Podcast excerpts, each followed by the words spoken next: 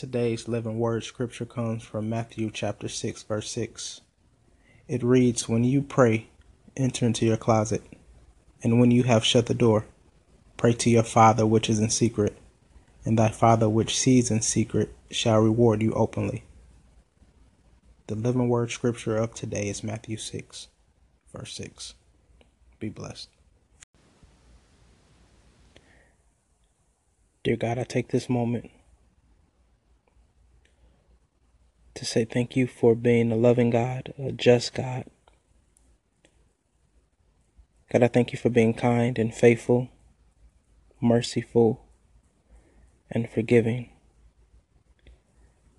And I pray, God, that you would give me the ability to be more like you. God, I thank you for this day that is filled with so many opportunities to be a better person than I was yesterday.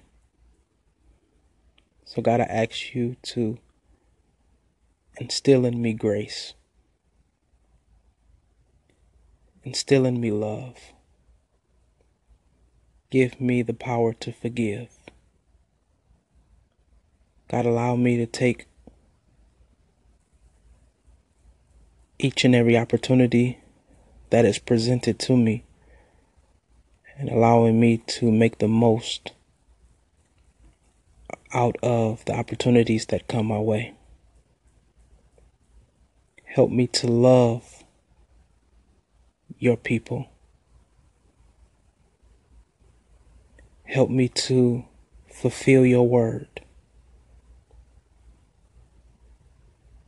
Help me to put clothes on those who are naked. Help me to fulfill the thirst of those who thirst have not been quenched. Help me to remember those who are sick and shut in and those who have been locked away in prisons. God, give me the strength to sustain where I am weak and God, allow me to provide to those that are in need. Help me to be one of ministry. Help me to love your people. Help me to be more like you. As we see the living example of your Son, Jesus Christ, who was evidence of the divine wrapped in flesh, who walked in such a cold world and delivered good news to those who were impoverished,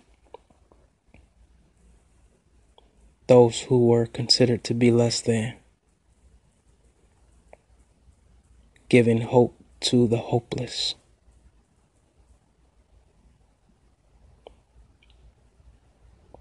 Who brought a heavenly touch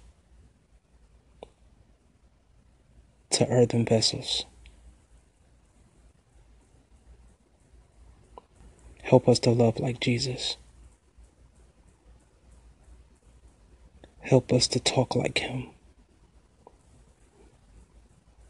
And we ask that you help us to love on you, God. In your Son Jesus' name I pray. Amen. You go out there and have a blessed day. And remember to act like God. Be blessed.